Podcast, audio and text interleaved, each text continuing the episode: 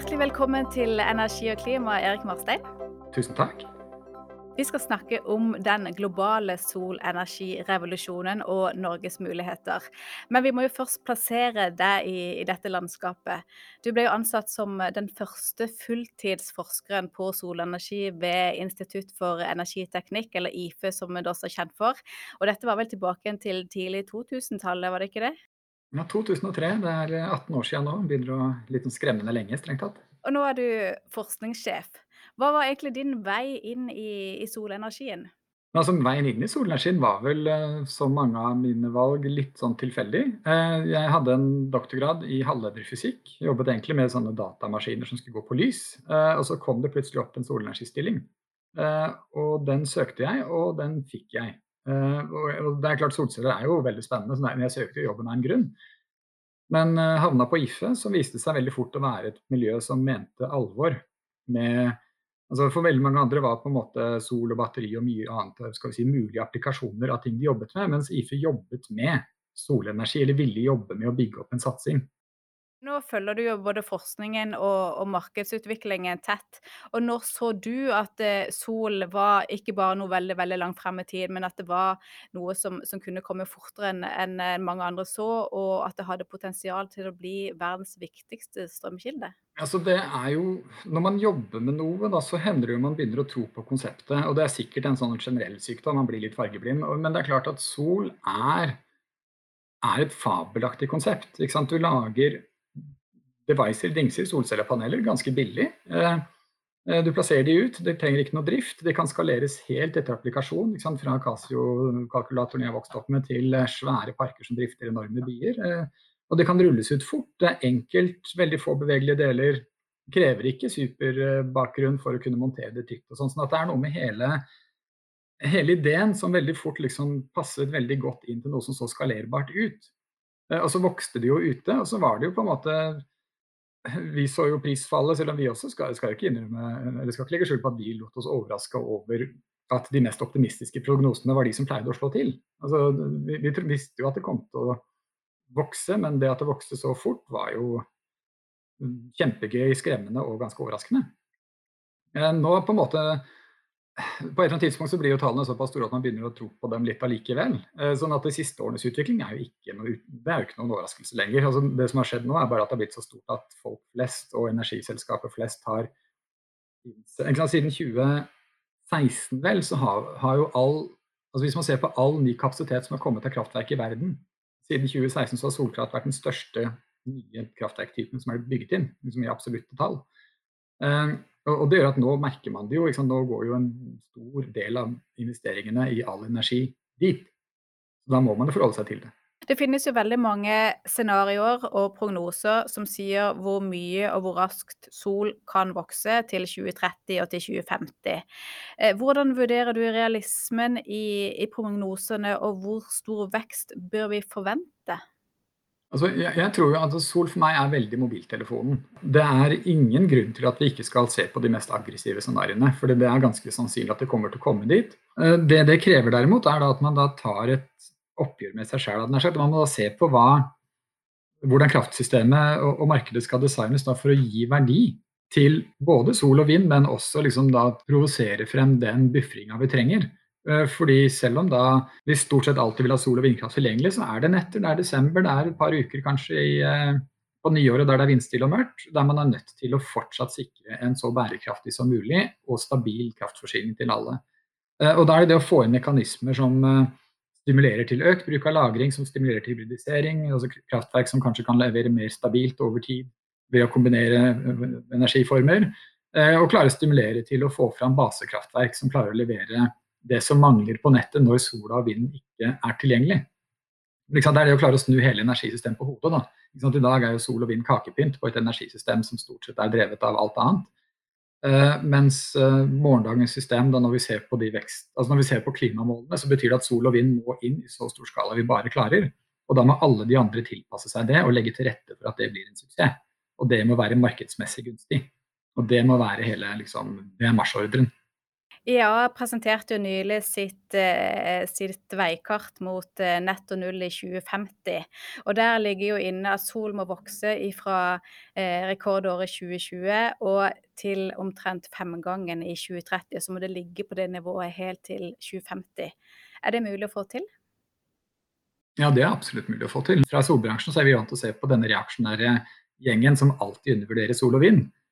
Eh, som, som, litt sånn smått irrelevante. Nå har de jo endelig begynt å kanskje se at vi er på vei oppover, men de har jo faktisk lagt inn en utflating der òg som ikke nødvendigvis er nødvendig. Det vil være mulig å få til mer sol enn det som legges til grunn også i den rapporten.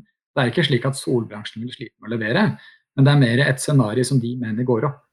Ja, for de har jo, de har jo med rette da blitt kritisert for å underestimere eh, potensialet i, i, egentlig all fornybar, og kanskje særlig sol.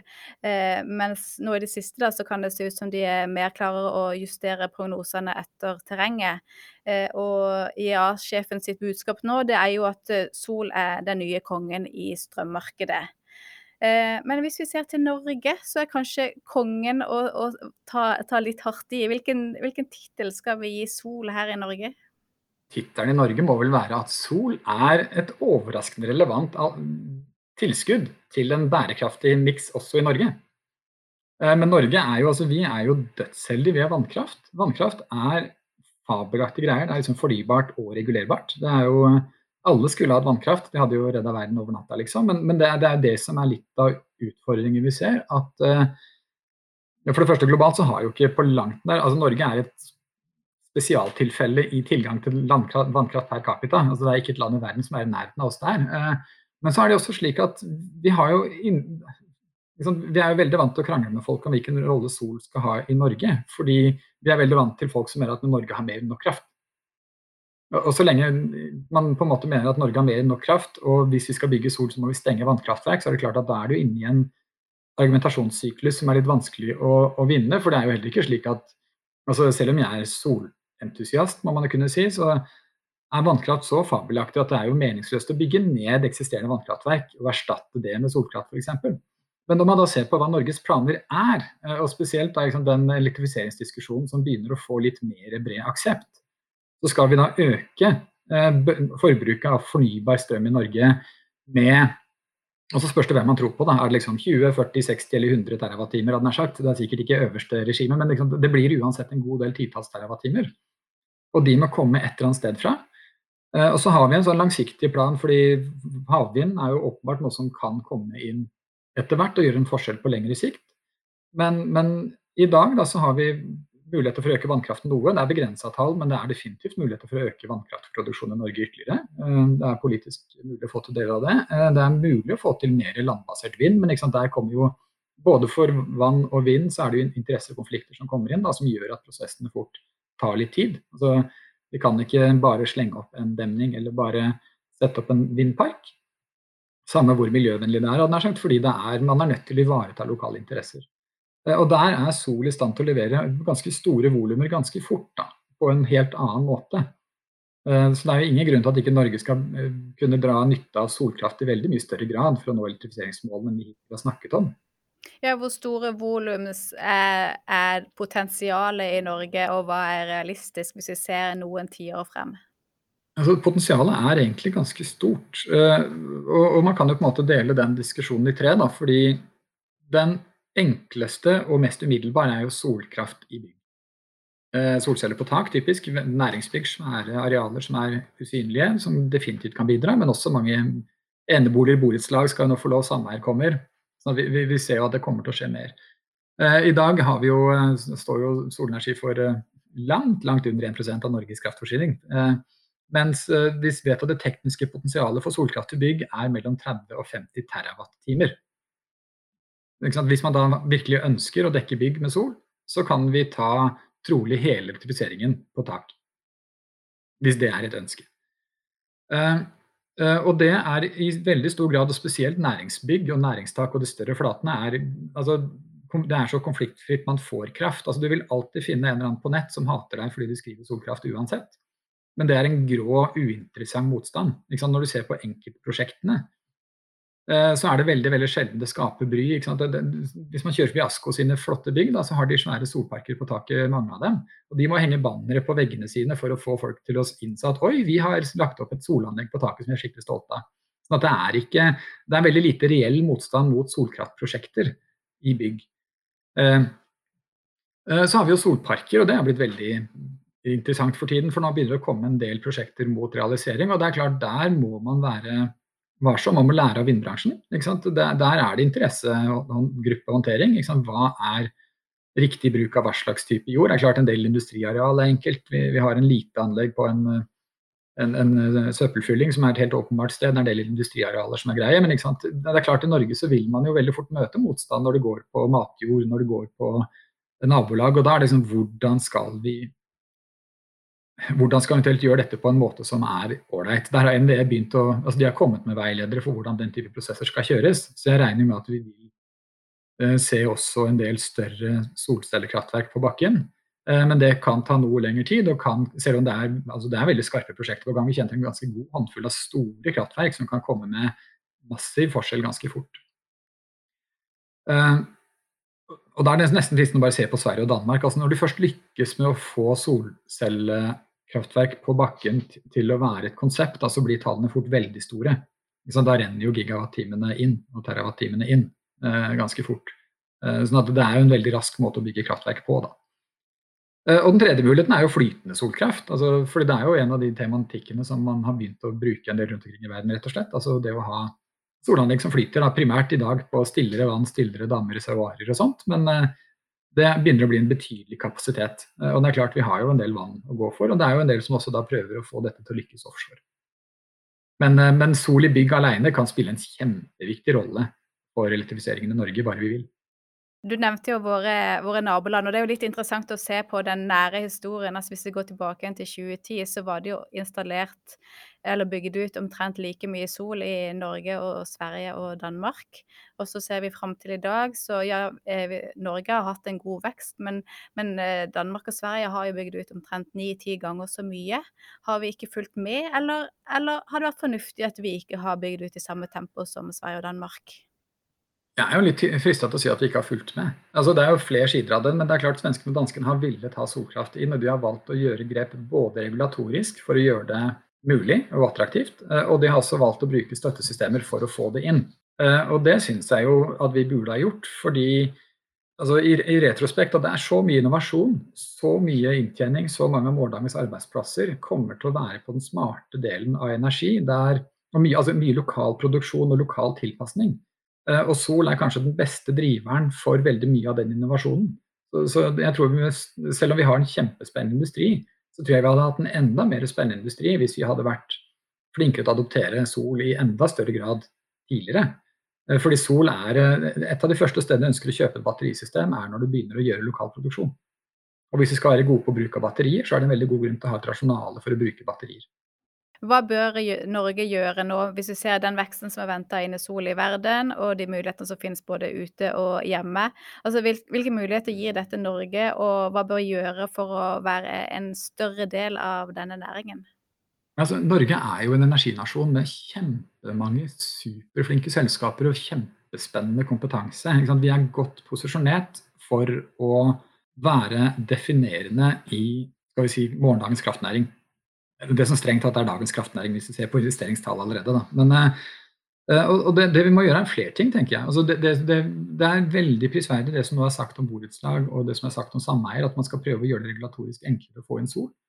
Det, jeg tror det er viktig å gjøre, er å liksom ta enda et skritt tilbake og liksom se hvordan kan man stimulere til smarthet i energisystemet generelt. Altså, hvordan skal vi gjøre Norge til en fabelaktig sandkasse for Eh, nullemisjonshus og nabolag, eh, batterisystemer, gassstyringssystemer i hus, lokal produksjon fra varmepumper, sol, what have you, eh, som på en måte kan virkelig gjøre en forskjell. og da, da, er det en del utfordringer vi ser opp mot nett generelt, som i dag ikke er avklart på en måte som stimulerer til innovasjon og verdiskaping ytterligere. Så det, det er én ting.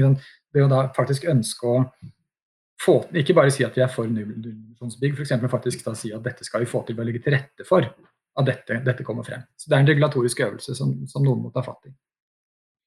Eh, og Så er det jo alltid en diskusjon rundt insentiver. Altså det, jeg syns man har hatt veldig mye positiv effekt av det internasjonalt når man har brukt det riktig, men liksom, da må det være det må være utløsende, men ikke avgjørende. Ikke det, det, må være noe man Eller ikke, ikke komplett avgjørende for bransjen. Man, man, må, man må se at man kan få til skalering og vekst.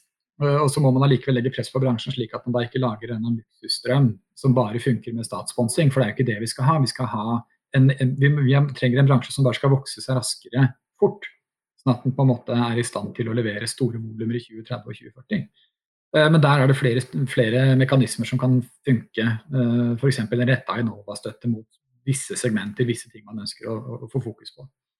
Og, og, så er det også den at altså, Når vi snakker om energimeldinger og klimameldinger, og what have you, så er det veldig sjelden sol er en del av diskusjonen. Litt fordi sant, det er de etablerte aktørene og de etablerte organisasjonene som representerer gårsdagens næringsliv, da, for å være litt småstygg, som sitter rundt bordet. Og veldig mange av aktørene fra Sol er nyere selskaper. Eh, som har vokst til dels ganske stort eh, siden den tid, men de er, de er ikke ivaretatt av noen. Da.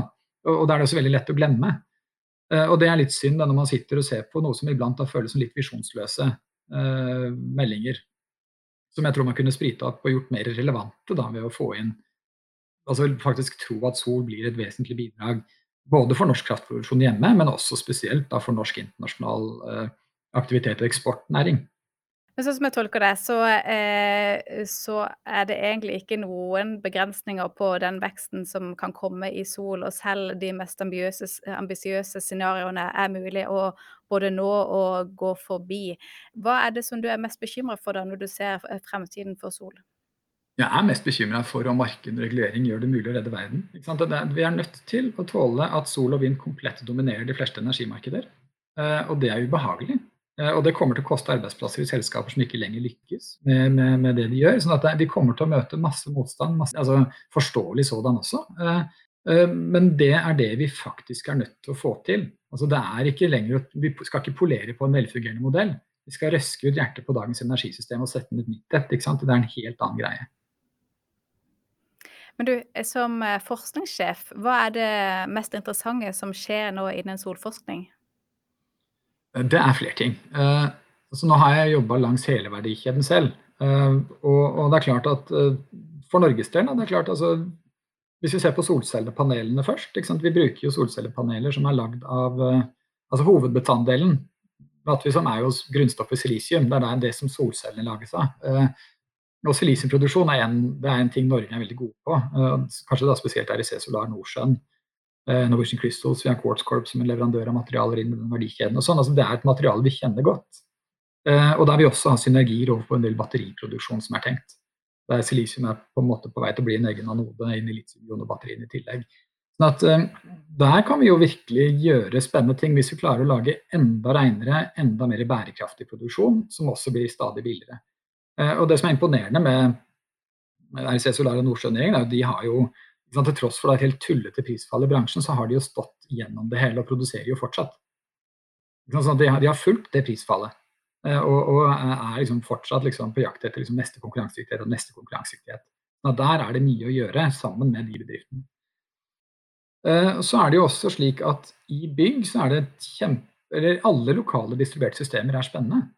Fordi Ingen av oss ønsker eller heldigvis det er så mange som ønsker å være ingeniør, men hjemme så vil man helst kunne komme hjem og slappe av mens huset er smart for deg. Så når solanlegget ditt skal lade eller ikke lade batteriet, kjøpe eller ikke kjøpe strøm fra nettet, kjøre eller ikke kjøre varmtvannsberederen og gjøre alle andre mulige ting som krever eller sparer energi, det er fint om noe intelligens tar hånd om.